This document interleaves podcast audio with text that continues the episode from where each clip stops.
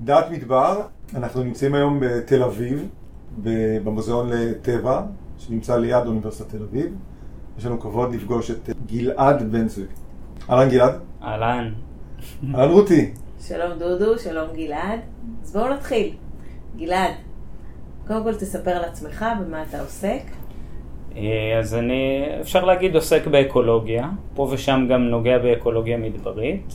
אני היום אה, חוקר חרקים, לא מן המניין, באוניברסיטת תל אביב, במעבדה האנטומולוגית לאקולוגיה יישומית, שם מאוד קשה, אבל אנחנו בגדול דוגמים חרקים בכל מיני מקומות בארץ, ומתעסקים בשמירת טבע של חרקים. אבל אני בא מרקע שהוא לא רק חרקים, אלא אורגניזמים בכלל, התעסקתי בדוקטורט שלי ביחסי גומלין בין צמחים לחרקים, אז אה, כל התחומים האלה הם אה, מעניינים אותי. אז על מה אנחנו מדברים היום?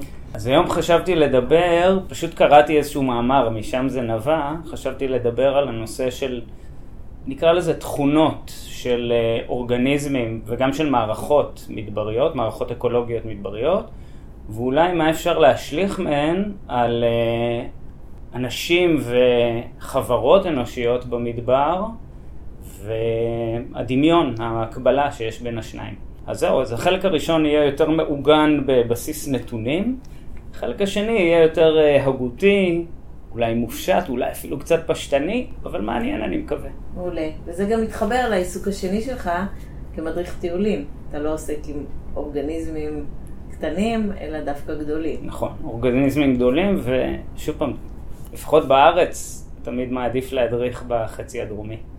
כי המפגש של האורגניזמים הגדולים האלה עם הנוף המדברי הוא תמיד uh, יותר מעניין, יותר מיוחד. קודם כל, בתור מי שמתעסק גם בצמחים, אז נתקלתי לא מעט בתיאוריה של חוקר בשם גריים, שהיא, אפשר לקרוא לה תיאוריית CSR. הוא מחלק בעצם את האורגניזמים, במקרה שלו צמחים, לשלוש אסטרטגיות. Uh, אחת נקראת C, Competition, שנייה נקראת S, Stress, עקה, והשלישית R, רודרל, הכוונה בעצם להתפשטות מהירה או התבססות מהירה במקומות שאין בהם אף אחד אחר. צמחי חלוץ נקרא לזה ככה. אז הרעיון הוא שהקומפטיטיב, ה-C, האלה שהם תחרותיים, ההתמחות שלהם היא בלגבור על צמחים אחרים, להתפתח מהר יותר, להצל, להגיע יותר מהר למשאבים וכן הלאה. ה-S, סטרס, אלה שעומדים בהקה, הדבר המרכזי שלהם זה היכולת להתמודד עם תנאי הקה, עם תנאים קשים במיוחד, והרודרל, ה-R, הם אלה שמגיעים הכי מהר לכל מקום, מתבססים שם אה, כמה שיותר מהר. אה, זה קצת פשטני שוב פעם, ויש כל מיני וריאנטים בין האסטרטגיות האלה, אבל זו תיאוריה שמאוד עוזרת להבין את הנושא הזה, כשכל הזמן המחשבה היא שיש אוף. אי אפשר להיות ספץ בשלושתם, אתה חייב להיות ספץ באחד ופחות ספץ באחרים, או להיות איפשהו באמצע. ולפני uh, כמה חודשים יצא לי לקרוא מאמר מ-2017 של קבוצת חוקרים ענקית, שלוקחת את ה-CSR הזה ומנסה למצוא איזה צמחים, או לפי ביומות, מה שנקרא, לפי מדבריות, אזורים טרופיים, מערבות עשב, אזורים ים תיכוניים, כל מיני דברים כאלה, לראות איך מתנהגים הצמחים בכל אחת מהביומות האלה. ועניין אותי לראות את ההשוואה שלהם בין, בין כל הביומות, אבל במיוחד האזור הים תיכוני, שמהווה את החצי הצפוני של ישראל, והאזור המדברי, שמהווה את החצי הדרומי של ישראל. והם בעצם לקחו מאות, לפעמים אלפי מינים מכל אחת מהביומות, ובעצם ניתחו אותם מבחינת האסטרטגיה, ובסופו של דבר מה שיצא להם נורא נורא מעניין בעיניי. הם חילקו כל ביומה לצמחים רב-שנתיים וחד-שנתיים. הצמחים החד-שנתיים באזור הים תיכוני קיבלו ציון גבוה ב-R, ברודרל, בלהיות צמחי חלוץ, זה גם נשמע הגיוני, חד-שנתיים צריכים להגיע מהר לכל מקום, להתבסס שם מהר, לצמוח לכמה חודשים ולגמור סיפור.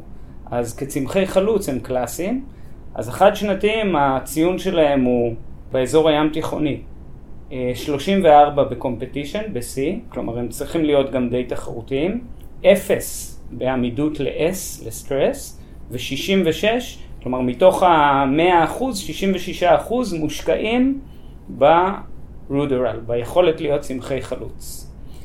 לעומת זאת הרב-שנתיים, הציון ב-C הוא 68%, כלומר הם מותאמים בראש ובראשונה להתחרות בצמחים אחרים, 30 ב-S, בכל זאת יש, צריך להיות עמיד באזור הים תיכוני במידה זו או אחרת, ו-2 ב-R, זה הכל. אבל כשמדברים על האזור המדברי, קורה דבר אחר לגמרי. החד שנתיים מתנהגים בערך אותו דבר. 21 C, זה ה-C שלהם, 0 ב-S ו-79 ברודרל. שוב פעם, צריכים להגיע כמה שיותר מהר למקום, להתבסס בו, אחרי זה אולי יבואו צמחים אחרים ויחליפו אותם. אבל הרב שנתיים, זה ההבדל המדהים, אחד בקומפטישן, אחד ב-C, ו-99% ב-S, בהתאמה להקה. כלומר, אם נסתכל לפחות על הרב שנתיים, האזור הים תיכוני מתאפיין באסטרטגיית C, והאזור המדברי מתאפיין באסטרטגיית S. אוקיי? זה מאוד מאוד מאוד בולט, והשאלה הגדולה היא למה זה קורה בעצם.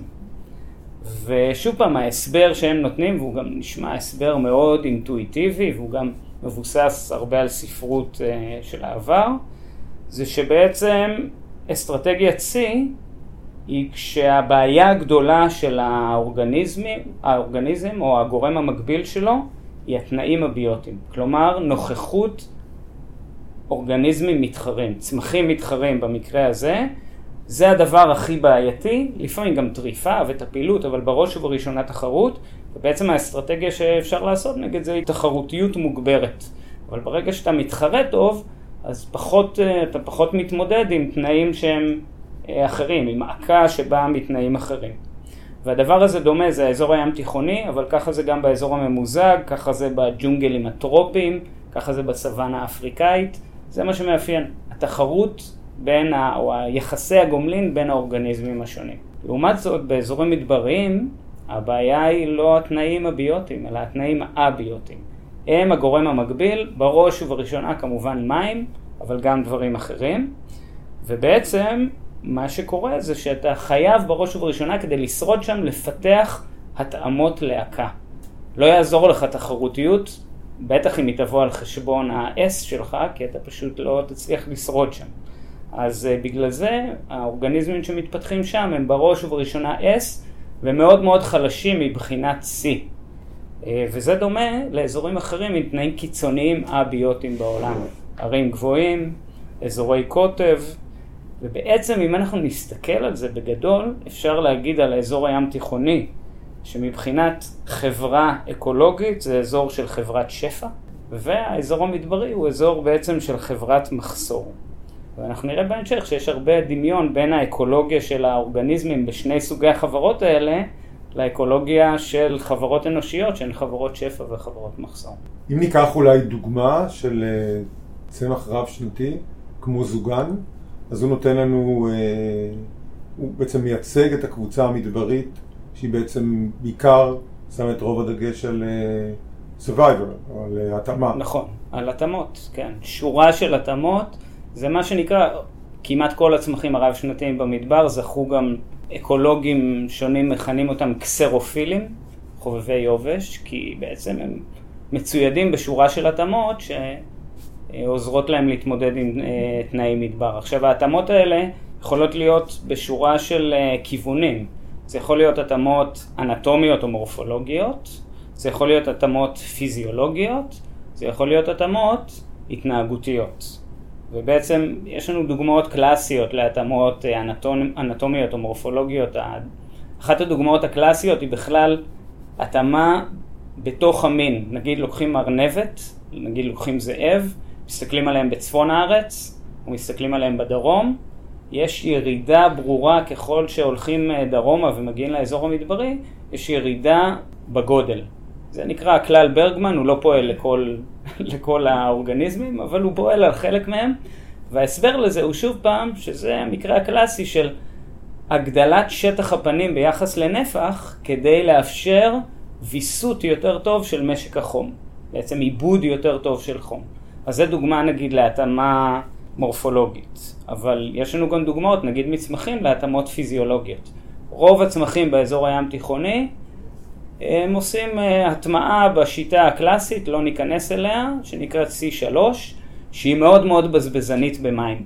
לעומת זאת, כשאנחנו מגיעים לאזור המדברי, אנחנו מקבלים שתי שיטות הטמעה אחרות, שגם לא ניכנס לפרטים שלהם, אבל הן הרבה הרבה הרבה הרבה יותר חסכוניות במים. פי 200 או פי 500 מהשיטה של C3, ושוב פעם זה בא על חשבון התחרותיות. הגידול בפחמן, הייצור הראשוני הוא יותר איטי, אבל אתה לא מאבד מים אז אתה שורד בעצם. אז הנה דוגמה להתאמה פיזיולוגית. שניתן דוגמה להתאמה פיזיולוגית, סיפור על התאמה פיזיולוגית באמת באמת הכי קלאסית אולי, זה בעיניי התאמה של שבלולים. שבלולי מדבר, בואו ניקח את הלבנונית כמותת הפה, עשו עליה פשוט המון המון מחקרים, אני עושה פה איזשהו סיכום מאוד מאוד מאוד מהיר שלהם, אבל בגדול הם, תחשבו על שבלולים, שבלולים זה הדבר שדורש הכי הרבה לחות. כולנו כמעט פיזרנו כשהיינו ילדים מלח על חשופיות ו... וראינו מה קורה, פשוט אה, מצטמקות תוך רגע ומתות.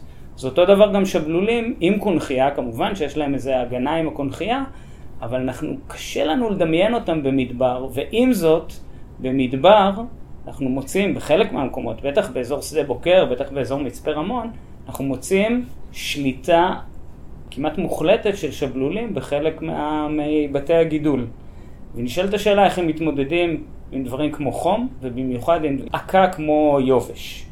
אז קודם כל חום באמת בזכות הקונכייה, כשהם שוהים בפנים, ההבדל בטמפרטורות הוא 15 עד 20 מעלות לעומת מה שקורה על פני הקונכייה. לא ניכנס לכל ההתאמות הקטנות, אבל זה מה שקורה. הדבר הכי מדהים זה איך הם מתמודדים עם יובש. בעצם הם מתמודדים בהתאמה שאפשר לקרוא לה התחמקות. נכנסים לקיות, לתרדמת קיץ, שהיא בעצם תרדמת כל השנה, וכשהם נמצאים בפנים, בתוך הקונכייה, בתרדמה הזאת, סגורים על ידי החתם שלהם, על ידי הקרום שאוטם את הפתח, הם בעצם מבזבזים, זה הלבנוניות כמותות פה, מבזבזים בערך חצי מיליגרם מים ליום, ובין חצי ל-0.8 קלוריה, קלוריה, לא קילו קלוריה, קלוריה ליום, וביום אחד של פעילות, כשיורד גשם והם יוצאים, הם אוכלים משהו כמו, הם משיגים נטו משהו כמו 400 מיליגרם מים ליום, ובערך 250 קלוריות ליום.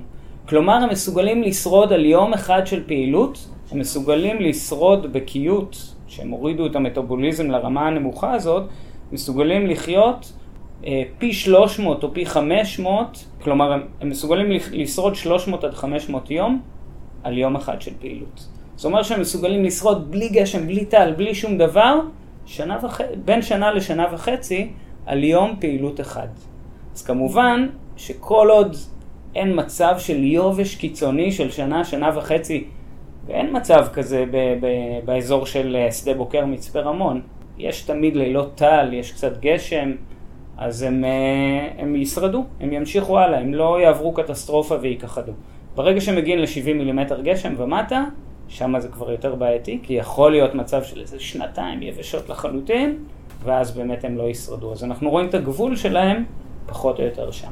מה לגבי השטחים? אנחנו יודעים למה שתהיה תחרות אם יש כל כך הרבה שטח פנוי במדבר, וזה לא נכנס כקריטריון אה, משמעותי שבצפון צריך להתחרות על שטח, בדרום לא צריך. אז זה בעצם העניין, לא? שוב פעם, זה לא מדויק לגמרי, גם בדרום בסופו של דבר יש תחרות על אה, שטחים. אם מסתכלים נגיד על מדרונות באזור אה, מצפה רמון למשל, שדה בוקר, רואים שחלק גדול מהצמחים שנמצאים שם נמצאים בפיזור מאוד סדור ואחיד, עם מרחקים פחות או יותר אה, זהים בין צמח לצמח. זה, לדעת רוב האקולוגים, עדות לתחרות בין הפרטים. והם בעצם גורמים איזשהו סוג, או הם, הם, הם מתייצבים בסופו של דבר במקום שבו הם מסוגלים להתקיים, המקום עם המרחק הכי קטן מצמח, שבו הם מסוגלים להתקיים בלי להיות בתחרות על משאבים שתוביל לאובדנם בעצם, לאובדן שני הפרטים או לשרידתו רק של אחד. אז בעצם יש תחרות גם במדבר, אבל היא תחרות הרבה הרבה יותר קטנה מהעוצמה של הסטרס, ובעצם זה לא שאין ווינרים ולוזרים במדבר, יש, אבל בדרך כלל הווינרים הם אלה שיש להם את ההתאמות היותר טובות להקה, לסטרס, והלוזרים הם אלה שיש להם התאמות פחות טובות והם שורדים רק במקומות הכי טובים יחסית, הם מצליחים איכשהו לשרוד שם. זהו, עכשיו אם נדבר רגע על אדם, ניקח את הנושא הזה של התאמות לחברות אנושיות, אז שוב פעם, לפחות איך שאני רואה את זה, החברה המדברית התאפיינה לאורך כל ההיסטוריה בהתאמה לאזור שבו היא נמצאת. האזור שבו היא נמצאת תמיד דרש ממנה יכולות מיוחדות או פיתוחים מיוחדים, התאמה במובן של המצאה, נקרא לזה ככה, המצאה של כל מיני טכנולוגיות או אורחות חיים שיגרמו להם להצליח להתמודד בהצלחה עם הקיום במדבר. אז זה מתחיל אי שם בתקופה הפרה-היסטורית או בתחילת ההיסטוריה, זה מתחיל בכלל מהנוודות הפסטורלית החצי שנתית, שהתחילה בספר המדבר ובמדבר. וזה ממשיך לאוהל שכנראה פותח במדבר. זה ממשיך אגב גם לפיתוחים חקלאיים. שוב פעם, אנחנו לא יודעים את זה בוודאות, אבל לפחות נכון להיום, המורגים הראשונים, כנראה המחרשות הראשונות, הגרנות הראשונות, ככל הנראה, מדבריות. אז כל הדברים האלה נדרשו, הצורך הוא אבי ההמצאה, בוא נגיד ככה, וחברות מדבריות תמיד חיו על, ה, על הסף של הקיום והיו צריכים את הפיתוח של הטכנולוגיות האלה כדי להמשיך הלאה. עכשיו, אם אנחנו הולכים קדימה, אז הנה בואו ניקח את ה, למשל את דרום ערב ואת צפון ערב, שמשם יצאו חקלאות מהנגר של הנבטים, בורות המים, המאגורות, כל הטכנולוגיות האלה הן טכנולוגיות מדבריות, באין מקור מים אחר חוץ משיטפונות, והצורך לנצל אותו בעצם. וגם, אני חושב, אם אנחנו מסתכלים היום, אם נסתכל לפחות על חלק מהטכנולוגיות שמאפשרות היום קיום בתנאים של מדבר, אנרגיה סולארית למשל, התפלה באוסמוזה הפוכה, כל מיני טכנולוגיות כאלה פותחו בעצם תחת, או באזורים מדברים, או תחת המחשבה על הסטרס בעצם של המדבר. אז יש הרבה דמיון מהבחינה הזאת, חברות אנושיות מדבריות צריכות להיות מותאמות. כמובן שבתקופה המודרנית זה קצת השתנה. היום אנחנו עושים שינוי כל כך אדיר לסביבה, או בעלי יכולת לעשות שינוי כל כך אדיר לסביבה, שאולי זה לא הכי נכון. מצד שני, אנחנו באמת במאמצים מאוד רציניים מצליחים להפוך חלק גדול מהכדור שלנו למדבר, אז דווקא יכול להיות שכן, יש לנו מה ללמוד. אנחנו עושים, בצד שינוי הסביבה המקומי שאנחנו עושים ללהפוך מדבר ללא מדבר, אנחנו הופכים שטחים שלמים לכן מדבר, אז אנחנו כן צריכים ללמוד מה לעשות, איזה טכנולוגיות להפעיל כדי להצליח להתמודד עם התנאים האלה. אם אני לוקחת את השורה האחרונה שלך, אתה, ואני אמשיך לרמה יותר פילוסופית, אתה אומר שהאופי של האדם הוא יהיה שונה אם הוא, גדל, אם הוא במדבר, או אם זה מתחיל מזה שהוא צריך להיות יותר יצירתי, אז איך זה משפיע גם על האופי שלו ועל החברה? זהו, אז עכשיו דיברתי על החברה, אני חושב שההשפעה על האופי נוגעת לכמה היבטים, היא נוגעת גם להיבט האקולוגי, אבל היא נוגעת, אנחנו לפחות רוצים לראות את עצמנו כיצורים שהם לא רק אוכל, אה, שתייה, שינה, אה, סקס, אלא יש לנו אה, higher realms, לא יודע, לפחות ככה התפתחנו, לטוב ולרע. אז יש גם השפעות פסיכולוגיות, הגותיות, תיאולוגיות, שאולי להן שווה להקדיש איזה שיחה אחרת. אבל בהחלט. אתה יודע גם להדגים, כשאתה מדבר על חברה אנושית, אז כמובן הטכנולוגיה של המאה ה-20 קצת שינתה את הבסיס הזה, שם מדברים על עוני ועושר והצורך בלעשות התאמה פיזיולוגית, כי יש מזגן ויש מים אה, זורמים בברז ויש חשמל. אה, אבל אנחנו יכולים לדבר, או אתה יודע משהו להגיד על התאמות פיזיולוגית בבני אדם או ביצורים אה, אנוש, אנושים? כן, שוב פעם, כמו שאמרנו, היום אולי זה פחות בולט, אבל בהחלט יש התאמות. ההתאמות הכי פשוטות, אם ניקח לדוגמה תושבי מדבר אה, קלאסיים, אני יודע מה, הבדואים למשל. אני אומרת צבע כן, העור. צבע העור למשל. שוב פעם, צבע העור הכי כהה אולי לא נמצא באזורים המדבריים, אבל צבע העור של אה, תושבי מדבר הוא בדרך כלל הרבה יותר כהה, גנטית. דבר שני, זה הנושא של שליטה במשק המים. אני לא יודע אם יש הוכחות ליכולת להתקיים עם פחות מים, אבל בהחלט יש הבדל, וזה מוכר, בכל הנושא של גישה לצמא. או היכולת הפסיכולוגית לפחות להתמודד עם תקופות ארוכות של אי שתייה, הרבה הרבה יותר מפותחת לחברות מדבריות. שזה אולי גם משפיע על המוח באיזושהי צורה. אה, נכון, יכול להיות. אני מודה שאני לא חקרתי את הנושאים האלה, לא מכיר את ה... לא קראתי על הנושאים האלה לעומק, אבל במה שנתקלתי, אלה דוגמאות בולטות להבדלים פיזיולוגיים. ואם אנחנו הולכים לכיוון של אקולוגיה התנהגותית, שזה עוד תחום שמסתכל על חברות מדבריות, אז אנחנו יכולים, לה... יודעים שלמעשה בחלק מהמינים, למשל אצל זאבים או ניקח זנבנים, שזו דוגמה מאוד קיצונית, אז יש הרבה יותר שיתוף, הרבה יותר אה, התחשבות בזולת. כמה מזה אתה יכול להגיד על חברות מדבריות, אם אתה מסתכל על ה... אז אה, קודם כל זו הייתה אחת מהרמות להנחתה היותר מרשימות שראיתי. אז ממש, אה, זה בדיוק מה שרציתי לדבר בהקשר של התנהגות זה עוד סוג של התאמה. כלומר, לא, לא דיברנו כרגע על התאמות התנהגותיות, אבל אני חושב שכשמגיעים להתאמות התנהגותיות נפתח, נפתחת סקאלה שלמה של התאמות שהן באמת מרתקות, ובעיניי אפשר להסתכל עליהן, יש המון התאמות התנהגותיות, אבל אני רוצה באמת לדבר על הנושא הזה של ניצול היכולות של אורגניזם אחר לטובתך. זה יכול להתבטא בשתי צורות, אחת זה באמת שיתוף פעולה, כשיש לך, אתה, מש... אתה מנצל, אבל גם תורם אולי, לאורגניזם אחר מהמין שלך, והשני זה מוטואליזם, שזה לנצל או לתרום לאורגניזם אחר שהוא לא מהמין שלך. ובאמת כשמסתכלים על מוטואליזמים ועל שיתופי פעולה, האורגניזמים ש, שמשתמשים בהם במדבר הם גם מבחינת אחוזים מהמינים הם רבים מאוד וגם הם תופסים עמדות מפתח בחברה האקולוגית של המדבר. אתה מדבר אז, על טפילים? טפילים זה לא, מוטואליזם זה מה שקראו פעם סימביוזה הדדית. זה כששני הצדדים מרוויחים. טפילים זה כשצד אחד מרוויח והשני מפסיד. ש... אז אז טפילות, לא, טפילות אין יותר, אבל מוטואליזמים בהחלט יש יותר. כלומר, מה שקראו פעם סימביוזה, הדדיות, יש יותר. אז אה, רק ככה כדי לתת דוגמה, נושא שנחקר עכשיו במכונים לחקר המדבר כבר כמה שנים, בטח שמעתם על זה, המלחית החומה. אז אתם גם מכירים את המחקרים הקודמים של אה, שמעון רחמילביץ' עם אמבר ועם אה, עוד כל מיני חבר'ה, אז היא דוגמה קלאסית לגם התאמה פיזיולוגית וגם התאמה התנהגותית. אז התברר שהיא מין שמשתמש המון, אני מזכיר לכם, היא חד שנתית קיצית, כלומר היא צריכה להתמודד עם המדבר בתנאים הכי קשים שלו, והתנאים הכי קשים האלה יש בהם שני מחסורים משמעותיים. אחד זה מים, השני זה חנקן. אין חנקן זמין לצמח בקרקע בקיץ במדבר. אה, ודבר אחד, התאמה שלה למים זה התאמה פיזיולוגית, זה היכולת לנצל דרך העלים מי טל, שזה דבר, זה המקור המרכזי של מים במדבר בקיץ.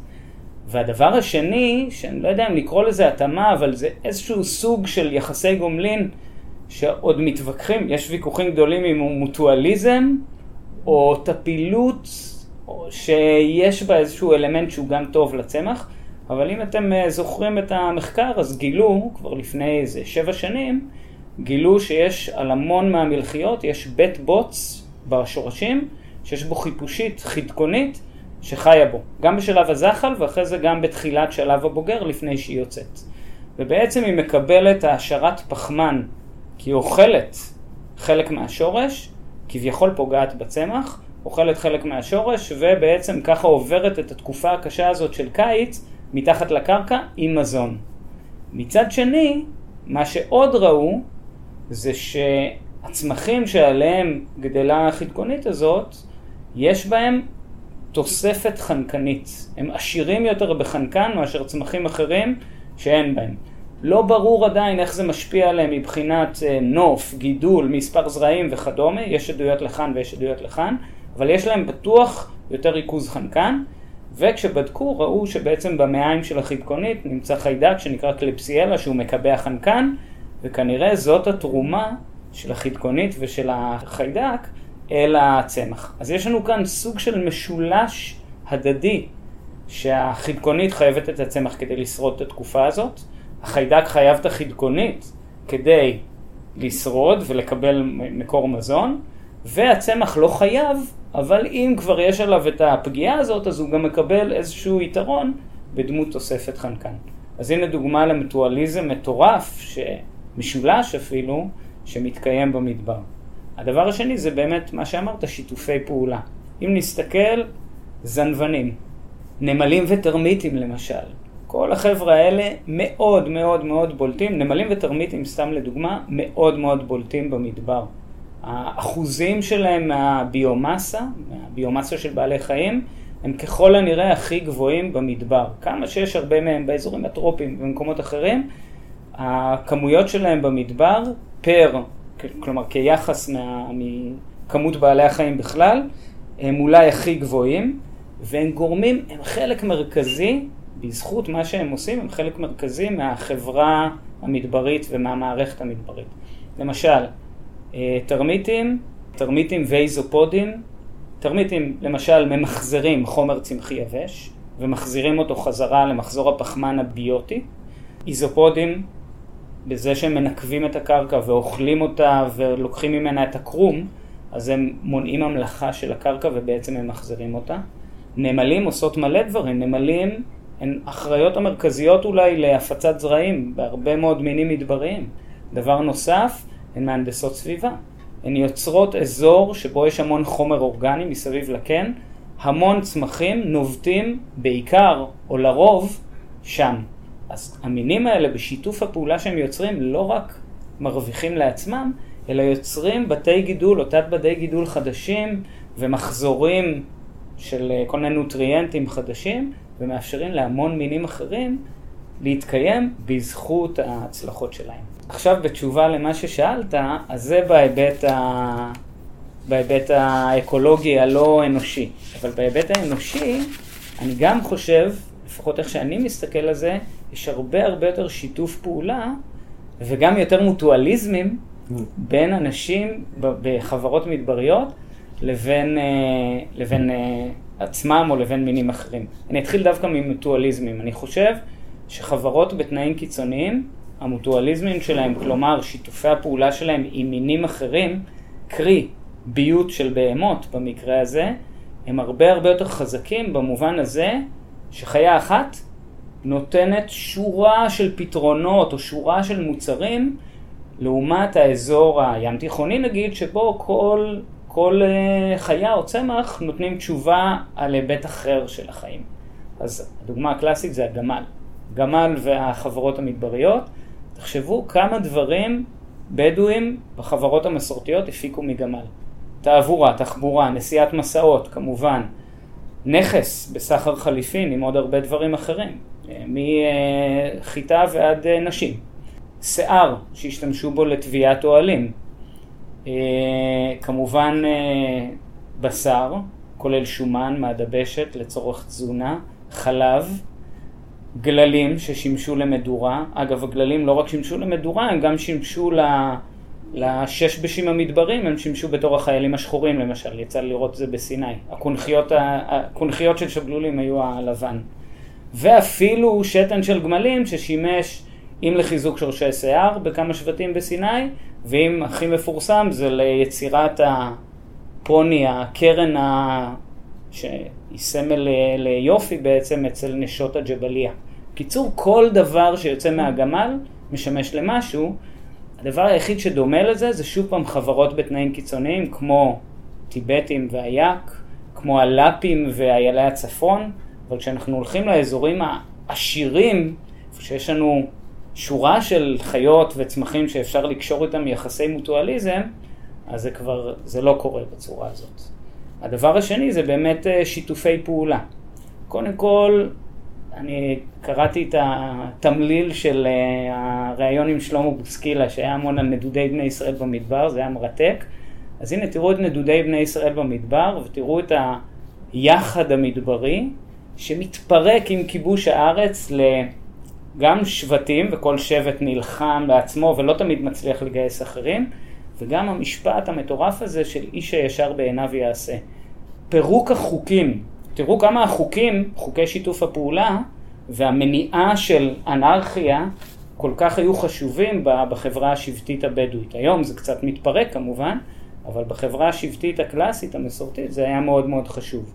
אז שיתופי פעולה ברמת השבט, ברמת החמולות, היו מאוד מאוד מאוד חזקים אה, דווקא באזורים המדבריים.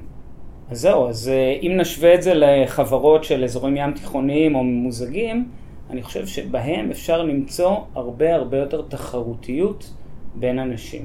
אם במדבר אנשים חייבים לשתף פעולה כדי לשרוד, אנשים חייבים לארח אחד את השני כדי שהם ישרדו בתור הלכים במדבר, בחברות האלה, חברות השפע נקרא להם, שיש כבר הרבה משאבים, התחרותיות היא הרבה הרבה יותר גדולה, והנה זה גם הוביל לזה שיש בחברות טרופיות, נגיד באזורים טרופיים בהרבה מקומות, נגיד באמזונס או במקומות אחרים, אנשים נשארו ציידים לקטים עד היום. כלומר, עדיין לא פיתחו את הטכנולוגיות ולא פיתחו את שיתופי הפעולה, או שיתופי הפעולה נשארו ברמה כזאת, כי זה מתאפשר, זה מתאפשר עם עושר המשאבים שיש שם. עכשיו, עוד שני דברים נורא מעניינים בעיניי, שדומים בחברות אקולוגיות מדבריות וחברות אנושיות מדבריות, זה שאם נסתכל על מערכות מדבריות, לעומת נגיד מערכות ים תיכוניות או טרופיות, לרוב הן הרבה פחות היררכיות. בגלל שיש פחות משאבים מלכתחילה, פחות יצרנים ראשונים, פחות צמחים נגיד,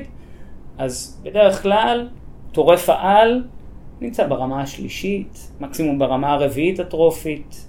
אין אה, מערכות מאוד מאוד היררכיות שעוברות דרך צרכנים ראשונים וצרכנים שניוניים, צמחונים, והטורפין של הצמחונים, והטורפין של הטורפין של הצמחונים, ואז בסוף טורף העל, אלא זה משהו הרבה הרבה יותר פשוט, הרבה יותר שוויוני, ואותו דבר קורה בחברות אה, אנושיות. חברות אנושיות מדבריות כמעט תמיד נשארו ברמה השבטית. הן היו הרבה יותר שוויוניות בגלל שלא היה כל כך הרבה משאבים, אז לא היה היכולת, לא היו המשאבים כדי לתחזק איזה חברה עליונה, איזה מעמד עליון של פקידות או של פוליטיקאים או של אנשי דת. בחברה שיש בה הרבה משאבים זה היה יכול לקרות והאיכרים עדיין היו שורדים. יצרני המזון עדיין היו שורדים. בחברות מדבריות לא היה יכול לקרות דבר כזה, והשוויוניות הייתה הרבה יותר גדולה. אם אנחנו טיפה עולים מדרגה לרמה של תרבות, אומרת אה, ישראל בתור תרבות, או התרבויות של עמים מדבריים, אתה יכול להסתכל על זה בהשוואה לתרבויות של עמים לא מדבריים. זאת אומרת, אנחנו מסתכלים על ישראלים בתור תרבות, ומסתכלים על רמת השיתוף פעולה ביניהם, או רמת כל מיני מדדים כאלה, לעומת תרבויות שחיות באזורים של שפע, אם זה גם נקודה להסתכל על... אז קודם כל בעיניי, זהו, ישראלים זה עסק נורא מסובך. כי אנחנו באנו, חלק מאיתנו באנו מתרבויות מדבריות. חלק מאיתנו באו מתרבויות סופר אירופאיות, שדווקא שם התפתח איזשהו שיתוף פעולה אידיאולוגי בינינו, הסוציאליזם, שהיום דווקא קצת מתפרק. אז נורא קשה לי להגיד על ישראלים, אבל אני חושב שכן אולי ההשוואה הכי טובה, אה, שמעתם על ווילפרד תסיגר, אותו אה, נוסע בריטי שהסתובב במדבריות ערב ב... מבעצם שנות ה-40 של המאה ה-20 עד שנות ה-70. ובעצם תיעד את ההפיכה של החברה השבטית הבדואית שם מחברה לחלוטין מתבססת על, על המשאבים המקומיים לחברת נפט. אז זה אולי דוגמה טובה, כי יש לנו כאן, לא צריך להשוות בין חברות שונות, אלא אפשר לקחת את אותה חברה לפני ואחרי, והוא ממש, הוא מתעד את זה, הוא היה גם רומנטיקן נראה לי, אז הוא מתעד את זה בצורה, כמשהו טרגי אפילו הייתי אומר, אבל הוא מתעד איך היה שיתוף פעולה אדיר בתוך השבטים. שיתוף פעולה אגב שהוביל גם להרבה מלחמות בין השבטים, אבל איזשהו סוג של בלנס שהופר לחלוטין והפך למשהו אחר לגמרי, כשהנפט נכנס לתמונה, ובבת אחת השבטים כמעט התפרקו.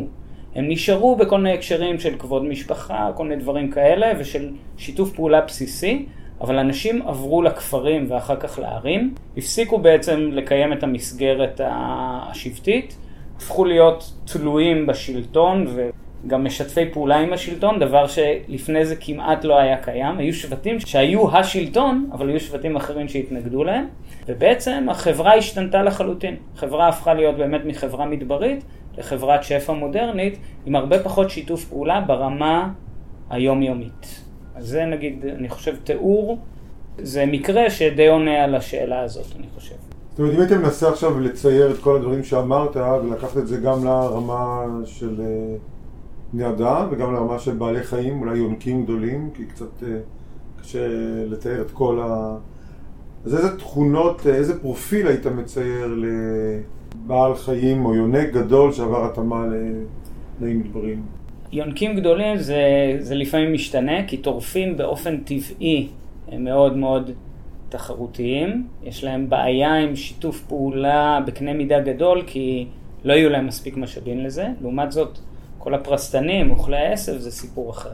אבל הייתי אומר שבגדול, אם ניקח יונקים למשל, או גם אם ניקח בעלי חיים אחרים, אני חושב שמה שמאפיין את האורגניזם המדברי זה באמת יכולת הרבה הרבה יותר טובה להתמודד עם עכות, עם אה, תנאים, תנאי מחסור מאוד גדולים, גם מבחינת יכולת צמצום צריכת משאבים, גם מבחינת יכולת השגת משאבים שלא משיג אה, אורגניזם אחר, ובמסגרת השגת המשאבים הנוספים, המון המון שיתופי פעולה ומוטואליזמים שלא קיימים או קיימים בכמויות קטנות יותר ב, ב, אה, בחברות האקולוגיות הלא מדבריות, כדי בעצם להשיג את, ה, את המשאבים. והדבר הזה מוביל, המחסור במשאבים גם מוביל, כמו שאמרתי, לזה שהחברות הן הרבה יותר פשוטות והרבה יותר שוויוניות, המערכות הן הרבה יותר פשוטות והרבה יותר שוויוניות, ועוד דבר אחד שגורם לי נורא לאהוב את המערכות המדבריות ואת החברות המדבריות, זה שבגלל ההתאמה להקה וחוסר התחרותיות, יכולת הפולשנות היא הרבה, הרבה יותר mm. קטנה. אין להם שום סיכוי להצליח להתמודד לאורך זמן עם התחרותיות של חברות השפע הלא מדבריות. ולכן מה שקורה, אנחנו כן רואים פה ושם פלישות מהמדבר החוצה, נגיד הרבה, אבל תוך זמן קצר זה עובר. הרבה לא יכול להתקיים שם לאורך זמן. כשחוזרים התנאים ומתייצבים, כמובן יעוף משם, הוא, הוא ייכחד משם. אז הפלישות הן לזמן קצר, אין פולשנות, וזה גם נורא דומה, בניגוד לדעה שלנו המקובלת על הבדואים כאלה שעושים פשיטות שוד וכל מיני דברים כאלה, אבל זה היה הכל. אלה היו פשיטות לזמן קצר, פשיטות אביביות בדרך כלל, כדי להשיג עוד מזון ל, ל, לבהמות שלהם, שהיו נגמרות בשוד של יבולים, אולי קצת הרג, לא נעים, אני לא אומר, אבל חזרה חזרה למדבר. ובעצם זה בניגוד לחברות הרבה יותר היררכיות שבהן הפולשנות הפכה להיות, כלומר ברגע שהחברה הפכה להיות יותר ויותר מרובדת והמשאבים לא, הפס... לא הספיקו כבר לשליט העליון, אז הוא היה מחפש להגדיל את המשאבים על ידי פלישה למקומות אחרים ויצירה כל הזמן של מערכת של עוד ועוד משאבים שיאפשרו לו להתקיים. אגב, אי הפולשנות של המדבר היא גם הרמטיות לצד השני. אף אחד לא פלש למדבר, כי אין שום סיבה לפלוש לשם, כי אתה לא יכול לנצל את המעט משאבים שיש שם. הצבאות מקסימום עברו במדבר בדרך אל, אבל אלא אם כן, רק שקרה איזה משהו מיוחד, כמו למשל דרכי הבשמים הנבטיות, שגרמו לרומאים בסופו של דבר להשתלט על האימפריה הזאת, רק אז קרו דברים כאלה, כשהם ניכסו לעצמם משאבים שמקורם הוא לא מדברי. אבל בדרך כלל המדבר היה הרמטי, לא פולש ולא נפלש. הדוגמה היחידה אגב לפלישה אדירה בהיסטוריה מהמדבר היא הערבים המוסלמים, המאה השביעית לספירה, תחת מוחמד, אבל זה כבר סיפור אחר, זה תחת אידיאולוגיה מאוד מאוד מיוחדת, או דת מאוד מיוחדת, זה כבר נכנס לתחום האחר של פסיכולוגיה, תיאולוגיה, פילוסופיה מדברית. טוב, למדנו הרבה, אני מקווה שתהיה עוד פגישה שנדבר על המשך הדברים שהתחברו לנו, ותודה רבה. תודה, תודה רבה. אזכיר לכם, כל הרעיונות שלנו נמצאים באתר מדבר.org, גם Spotify, גם iTunes, תמשיכו לעקוב אחרינו.